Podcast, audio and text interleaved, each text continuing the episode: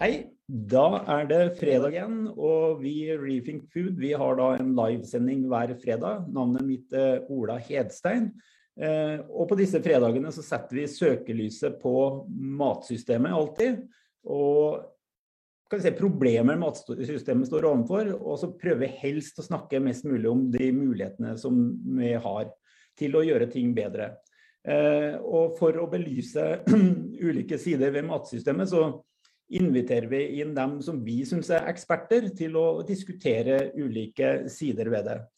Eh, og når vi skal skape forbedringer i matsystemet, eh, så har det vært sånn, særlig i Norge i eh, de siste 100 åra, at det fremste verktøyet vi har brukt, har vært ny kunnskap, ny teknologi, tatt i gang relativt tidlig. Mat- og landbruksproduksjon, også oppdrett i havet, er en ganske kunnskapsintensiv mat matproduksjon. Eh, og for å belyse disse tingene i dag, så har vi tatt med oss en eh, ekspert på slike ting, og som har holdt på med dette i en årrekke. Og det er deg, Sverre Bjørnstad. Velkommen. Takk for det.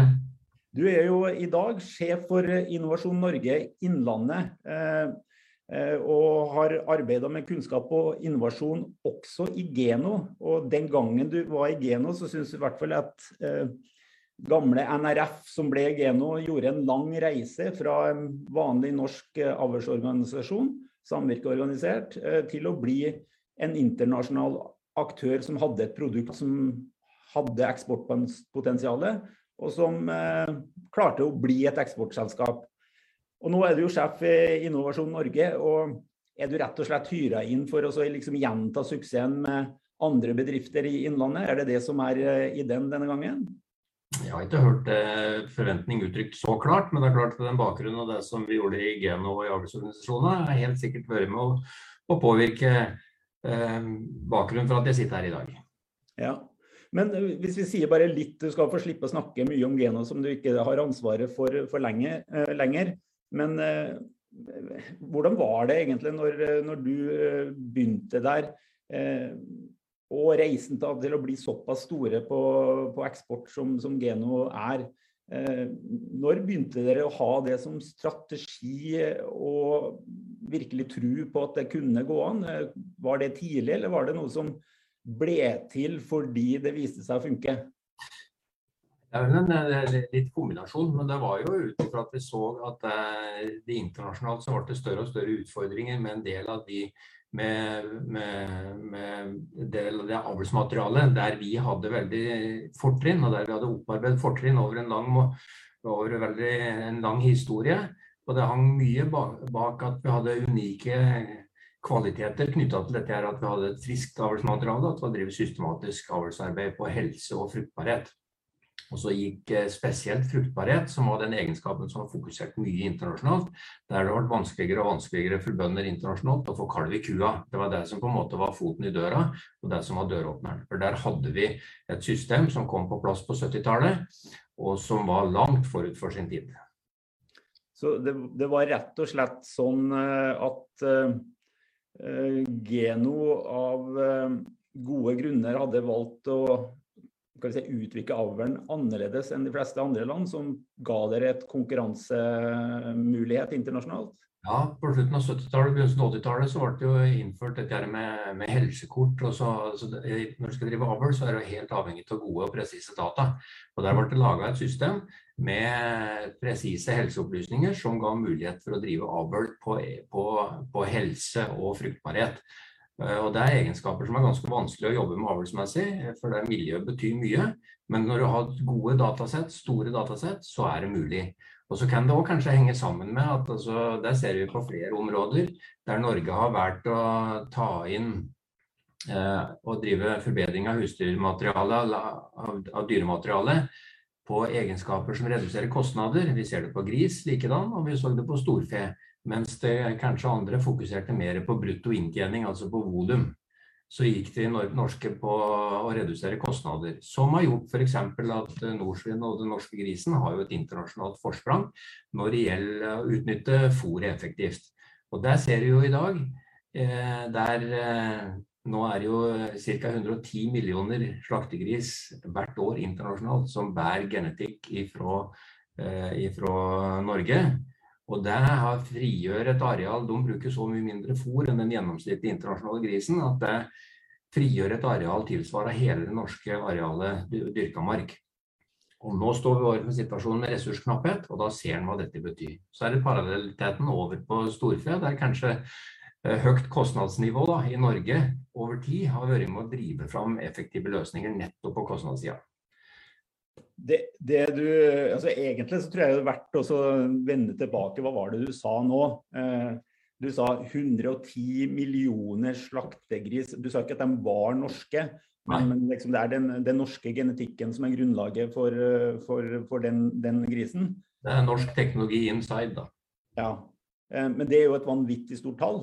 Ja, det er riktig. Eh, og effektiviseringsgevinsten ved eh, eller kan jeg bruke rett ordet på det, at eh, når, fordi den, den, grisen da, som uh, har de norske genene, spiser såpass mye mindre fôr for hver kilo den produserer, så, så frigjør du et uh, areal tilsvarende det dyrkbare areal, det dyrka arealet vi har i Norge. Ja, det er riktig.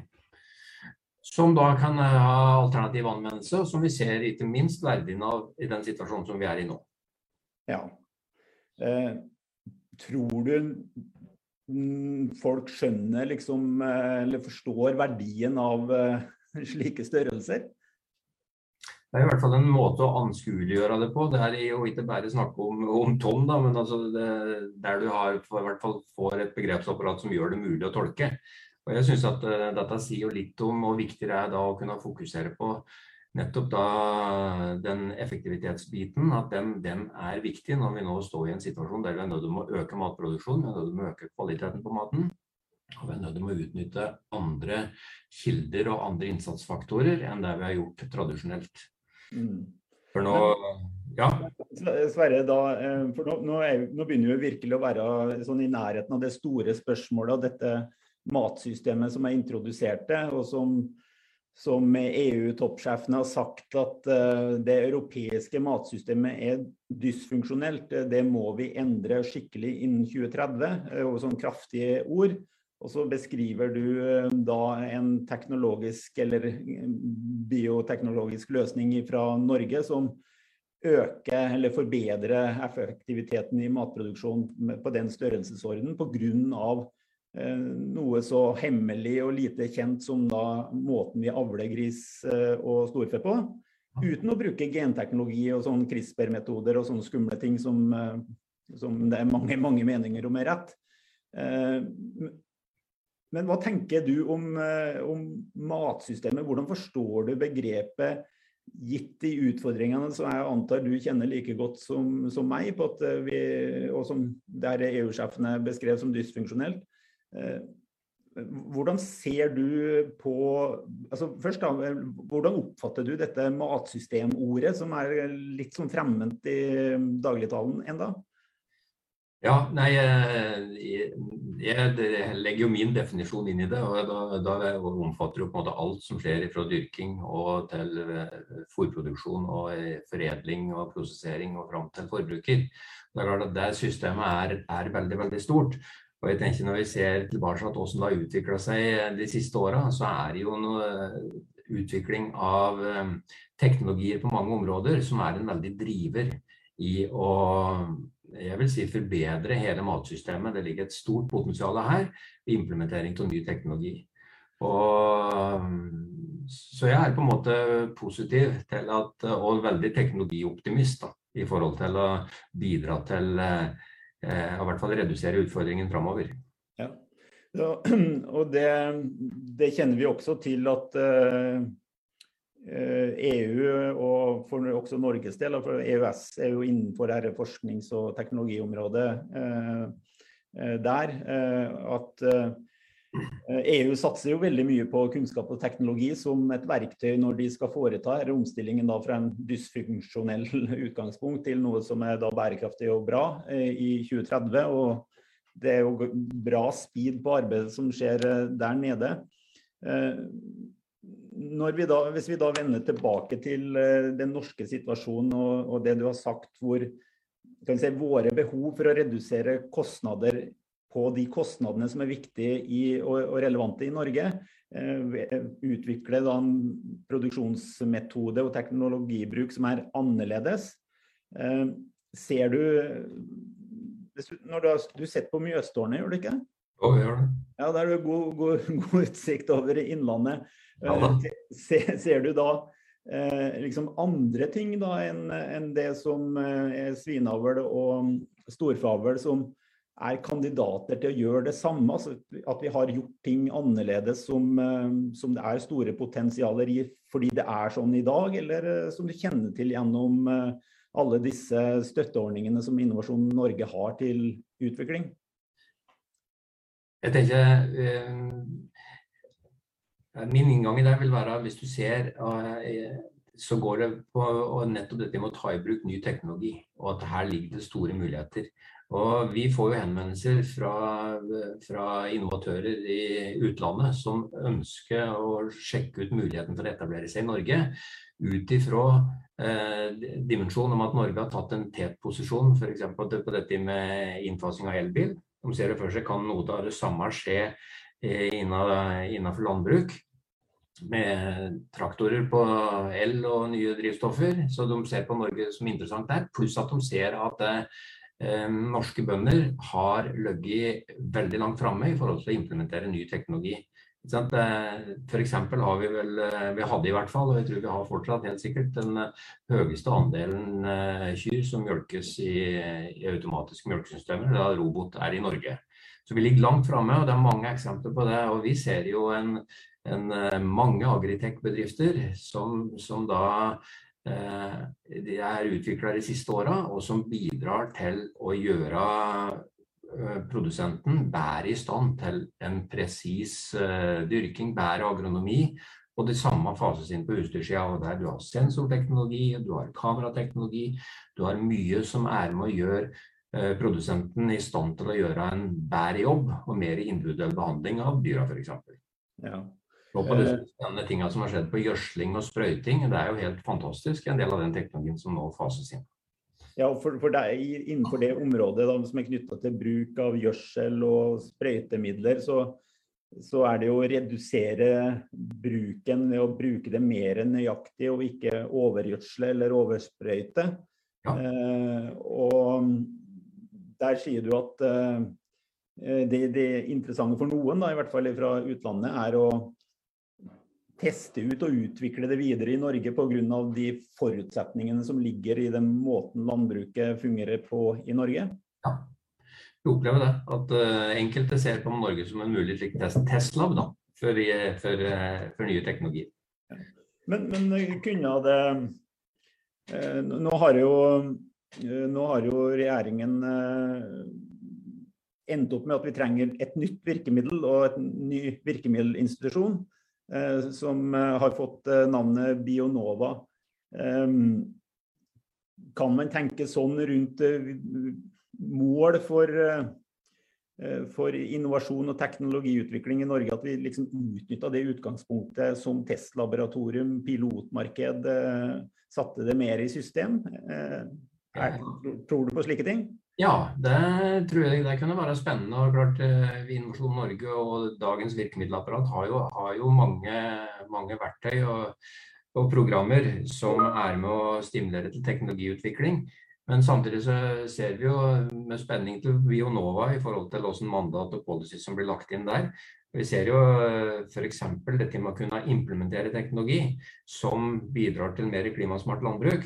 Der eh, ser jo vi at det kunne være behov for virkemidler. Ja. F.eks. dette med, med, å kunne bruke biokøl som jordforbedringsmiddel som samtidig binder karbon. Der det er et misforhold mellom, eh, mellom eh, lønnsomhet for den enkelte bonde og kan du si, samfunnsnytten i form av karbonbinding. Altså På slike områder så ville det være veldig spennende hvis vi hadde kunnet fått virkemidler. og på en ja. måte stimulere til implementering av teknologi og innsatsfaktorer som gjør landbruket mer klimavennlig. Det må jeg jo si jeg meg ganske enig i at det hadde vært spennende. Eh, vi, vi, har, vi i Reefing Food har jo i likhet med mange andre eh, sendt inn innspill. Eh, var det fristen i går eller forrige gårs? Og For å være helt ærlig, det som jeg føler på, er jo det er ikke, jeg, jeg, mener jo ikke det er så veldig mye vits i å gjøre det grepet der hvis man ikke satser ordentlig. Og så føler jeg meg ikke helt overbevist på om det er, det er en helhetlig satsing som kommer. Men vi må jo gi dem sjansen til å sette det på mandatet på papiret før vi feller dom over det. Men um, jeg håper jo virkelig de satser skikkelig, for jeg syns uh, som en gammel EU-motstander så syns jeg jo EU satser langt mer enn det vi gjør da, innenfor dette området. Jeg vet ikke om jeg har forutsetninger til å felle dom over det, og du representerer jo litt myndighetsapparatet her. men jeg syns det er mer fart i, i Brussel om dagen enn det er i Norge på disse områdene. Ja da, nei, Vi er i samme posisjon i forhold til tidligere EU-motstand, men det er bare å erkjenne at de har tatt en ledertrøye nå akkurat på dette grønne skiftet. Der er det. Men, eh, men det er jo også spennende å tenke altså for det som er eh, Jeg opplever at det er et mulighetsfokus på ny teknologi i landbruket i Norge. Og så har vi òg en, en, en, utfordring i forhold til at en god del av den nye teknologien den, den koster jo penger og er, er kostbar. Og kanskje egentlig trengs det større arealer og større, større driftsenheter enn det vi har i Norge for å kunne forrente en del av de investeringene. Men at, at det her å kunne komme inn virkemidler som gjorde det mulig med å stimulere til samdrift og utnytting av en del av de teknologiene som kommer, der det er mulig. Så det er, mange områder der det går an å, målrette bruken av virkemidler framover. Tror du det er eh, et større problem at vi sitter med teknologiske løsninger som egentlig kan løse disse problemene, um, men at de ikke tas i bruk rett og slett fordi det ikke er økonomi til det. En, en av problemene er at vi ikke har funnet opp uh, nok smarte nye ting til å løse de problemene som er jo betydelige. da.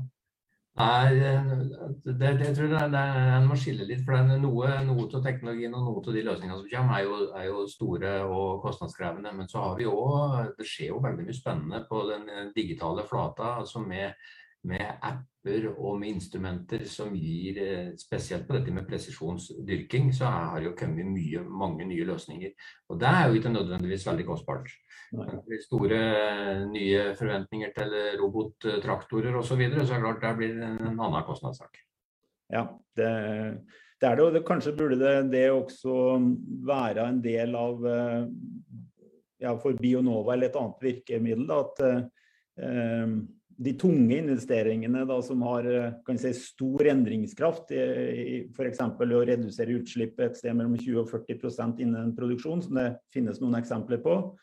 Eh, at man spesielt var opptatt av å få tatt i bruk eh, sånne løsninger og gi skikkelig investeringsstøtte. For det er ofte, det er ofte den dyre teknologien altså, som, som jeg har oppfatta det. Men hvis vi jeg går til, tilbake til litt, eh, litt, det du var inne på eh, med da effektivisere matproduksjon og frigjøring av areal til annen produksjon gjennom at eh, dyra spiste mindre korn, som det var der vi begynte på. Vi har jo, vi har jo fått de siste to ukene et nytt kunnskapsnivå om samfunnssikkerhet og matsikkerhet som i det offentlige ordskiftet som ikke jeg har sett på veldig, veldig, veldig lenge. Eh, eh, er matsikkerhet eh, selv i Norge, med, med liksom all den velstand og tross alt et levende landbruk, er det en, et stort argument for hvordan vi skal utvikle også landbruket i Norge? Altså at, global, at vi har en global rolle i matforsyning? Ja, jeg tenker jo det. For uh, vi kan si at uh, nå er hele fokuset på matvaresikkerhet det, det har jo fått uh, et helt nytt perspektiv etter den siste utviklinga. Men det viser jo nettopp, nettopp hva som ligger i ordet, beredskap, at du skal være forberedt på det ukjente. og med vår kjøpekraft i Norge så skal det veldig mye til at, blir, at vi kommer til å oppleve matmangel. Men den kommer til å komme i andre deler av verden. Og Da tenker jeg det er en grad av uetisk å ikke utnytte de ressursene vi har og de mulighetene vi har for egen matproduksjon på egne ressurser i Norge. Den, jeg, den inngangen tror jeg vil være ganske stor oppslutning for ja. i Norge. For det er jo spådd altså denne krisa kommer ut til, den slår jo ut i, i tredje verden. Det er jo Asia, Afrika og de som har knapt med mat fra før, som kommer til å få trøkket her. Og da, bør, da påligger det oss i hvert fall et ansvar for å utnytte de mulighetene vi har i Norge. Og da er jo vi eh, i Norge, da, Skandinavia, en del av kloden som da utnytter eh, marginalt ressursgrunnlag. Og er jo, er, er jo ganske dyktige på, på, det, i hvert fall på de produksjonene som vi har, har satsa. Eh, og det er vel da eh, også det grunnlaget for ny teknologiutvikling som eh, kan gjøre oss eh, litt annerledes. Rett og slett at det er krevende å eh, produsere mat i Norge. Ja, det, det, gjør jo at vi på enkelte områder da kan, kan, ha noen konkurransefordeler i forhold til å da selge Agritech ut på et internasjonalt marked. Der er jo, det er jo spådd at den agritech-industrien, altså teknologi knytta til landbruk, det er jo den raskest voksende områdene i verden. Det er en engelsk rapport som viser det. Da, det er voldsomt potensial. Det går nettopp på at verden totalt sett har et behov for å øke matproduksjon, har behov for å ta i bruk matproduksjon på mer marginale områder. Og, og eh, i dette så ligger det jo en kvalitetsheving av matproduksjon. Så her, her, her er det muligheter kunne eh, Altså, vi, vi, snakker jo mat, og det er jo utgangspunktet eh, for si, engasjementet til, til Reefing Food også i denne sammenhengen. Eh, men når du produserer mat, så bruker du jo arealer på land eller sjøen. Eh, og så blir det jo eh, da ikke sånn at alt blir spist. Eh, enda så er vi ganske dumme sånn at vi kaster noe av den maten som er spisbar også. Men i tillegg så er det jo alltid en en, en, bit av korn da, eller av kornet eh, som ikke er spisbart, eh, og en biomasse som eh, kan brukes til, til andre, andre, ting. Eh, og det legger jo òg litt i herre substituttproblematikken. Eh, at de hydrokarbonene som vi har fra olje og gass og brukes i vareproduksjon, de skal vi også slutte med. Og da, da har vi jo disse fornybare hydrokarboner gjennom biomassen. Eh, er det, er det, en, er det lov å tro at det, her er det store næringsmuligheter eh, for, for Hvis du tar brillene til Innovasjon Norge, hvor det skal sikkert ha realisme Jeg kan jo være litt idealistisk i forhold til hva, hva som er mulig, men men det er jo en betydelig mengde biomasse som vi kan bruke til eh, mye annet, hvis vi ikke har tilgang til de billige hydrokarbonene fra oljen. Ja, helt klart. Og her er, jo, her er det jo spennende, hvis du tenker på da, de, de, Innovasjon Norge-briller, så er det jo veldig fokus på grønne løsninger. Det er fokus på sirkularitet. Og her kommer jo nettopp det, dette her inn, at det som da er avfall for en bedrift, er da nyttig ressurs til en annen bedrift. og Det er det flere eksempler på. Du har hele dette med biogass som produseres på bl.a. avfall ifra ja, det er både husdyrgjødsel og det er avfall fra næringsmiddelindustrien osv. Som blir en ny ressurs, og som blir gjødsel, og som blir til mange andre verdikjeder i tillegg. Så her skjer jo veldig mye spennende. Og du har hele fra deg som eh, fra slakteribransjen som før hadde slakteavfall, som nå er plussprodukter, og som eh, går ut igjen som høyverdige proteiner gjennom ny teknologi som er utvikla. Så her ligger det et stort potensial. Jeg tenker hele den biomassen og verdikjeden som er i matproduksjon, er eh, både da mulighet for å bruke, utnytte bæret til menneskemat, slik som den er i dag. Der har vi jo kanskje enkle løsninger, men egentlig eh, betydelig innovasjonshøyde. Den er too good to go, og du har jo da holdbart, og du har best før og ofte god etter. Altså det, det, det forteller noe om en mentalitetsendring blant, uh, blant folk som, som, er med å utnytte hele denne verdikjeden bedre. Og så har vi det når det først da ikke er menneskemat, hvordan kan det brukes da både til, til drivstoff og til gjødsel og til veldig mange og da høyverdige produkter som går tilbake inn igjen som proteintilskudd og hva det måtte være. Så her skjer det mye spennende, og dette er en, tror jeg, en verdikjede som vil vise å være gi knoppskyting til masse, mange nye forretningsmuligheter framover. Er det muligheter som, som si, samfunnet ser, eller er det vi som er litt sånn nerdete i vår opprinnelse, som, som, som ser, først og fremst ser disse mulighetene?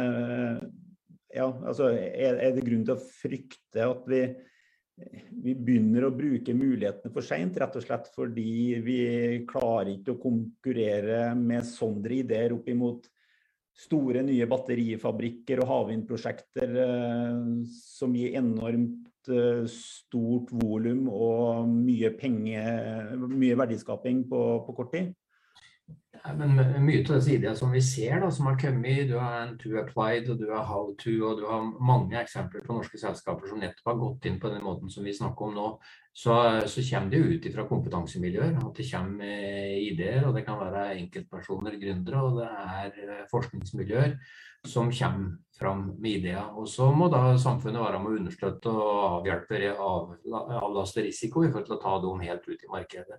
Du har jo hele det konseptet med å utvikle da, cellulose. Ta, ta, tre, da, som nå er, blir fôr til laks og gris og, og husdyr. Der vi da reduserer behovet for å importere proteinråvarer fra Sør-Amerika. Som er et glimrende eksempel nettopp på den som en uh, type nytenkning er. Du har jo insektproduksjon nå som, som, det jo jobbes med, og som utnytter, kan utnytte avfall og bli en storskala proteinkilde til eh, husdyr, husdyrfôr.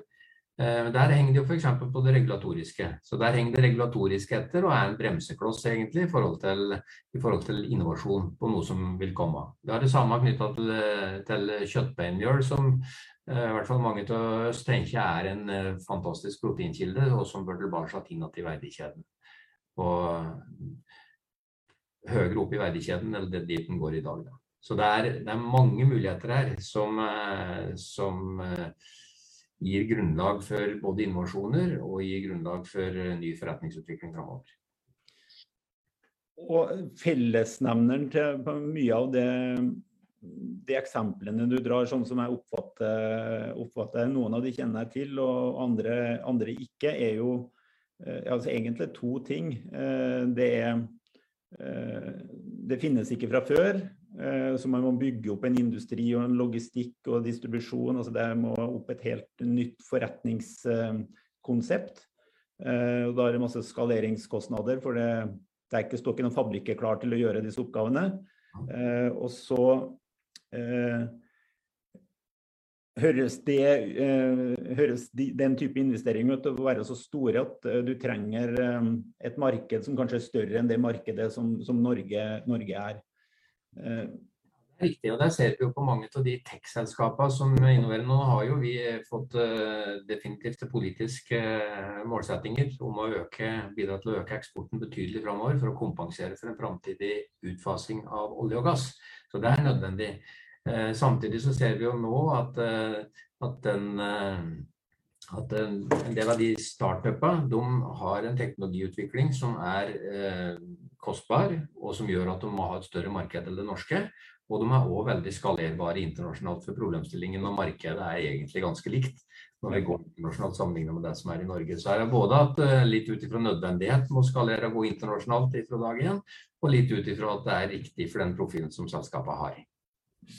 Men, men vil vi for den type øh, altså de, de, eksemplene nevnte, eller du nevnte nå, uh, vil de ha en eh, så, Som teknologier og som eh, produksjon, da, hvis du tar den, eh, den proteinproduksjonen fra insekter eller tremasse, vil, ha, vil, vi ende opp med å ha de samme konkurranseulempene for den type produkter og teknologi som vi har for eh, kjøttet fra grisen eller eh, melet vi lager fordi vi har så store ja, at vi er et rikt land og har høye kostnader. Eh, ja, men jeg tror på, på kompetanseutviklingssida så er vi, er vi, jo noe mer konkurransedyktig i, i, Norge. og jeg tror på en måte høykompetente miljøer er, der, er, der er vi relativt sett uh, mer konkurransedyktige på kostnader. Eh, og så tror jeg den så sannsynligheten for at vi er mer konkurransedyktige på salg av teknologi enn på ferdige produkter som har vært gjennom en norsk produksjonsprosess, den er nok ganske stor. Samtidig så tror jeg òg at nettopp den, de, de kvalitetsnisjen som, eh, som, er mulig å identifisere internasjonalt, gir mulighet for eksport av eh, spiseprodukter òg fra den norske matvarekjeden. Bra. Jeg prøver å ta en landing eh, nå, da, og da har jeg lyst til å ta det videre fra det du nevnte, eh, det du nevnte her eh, nå. og det, jo, det var det. Eh, du sa at eh, Innovasjon Norge, det systemet som du er en del av, dere har en tydelig bestilling på at eh, Agritech skal støttes, og det, man skal støtte, fremme at de utnytter sitt eksportpotensial. Var det riktig oppfatta? Ja da, vi har programmer for det. så Vi følger opp eh, Agritech-bedrifter og, og prøver å og øke deres sjanse for å lykkes internasjonalt. Og har vi mange nok eh, agritech-bedrifter som er eh, opptatt av nettopp det? Eller må dere trene dem opp til å se muligheten utenfor eh, landets og fylkets grenser?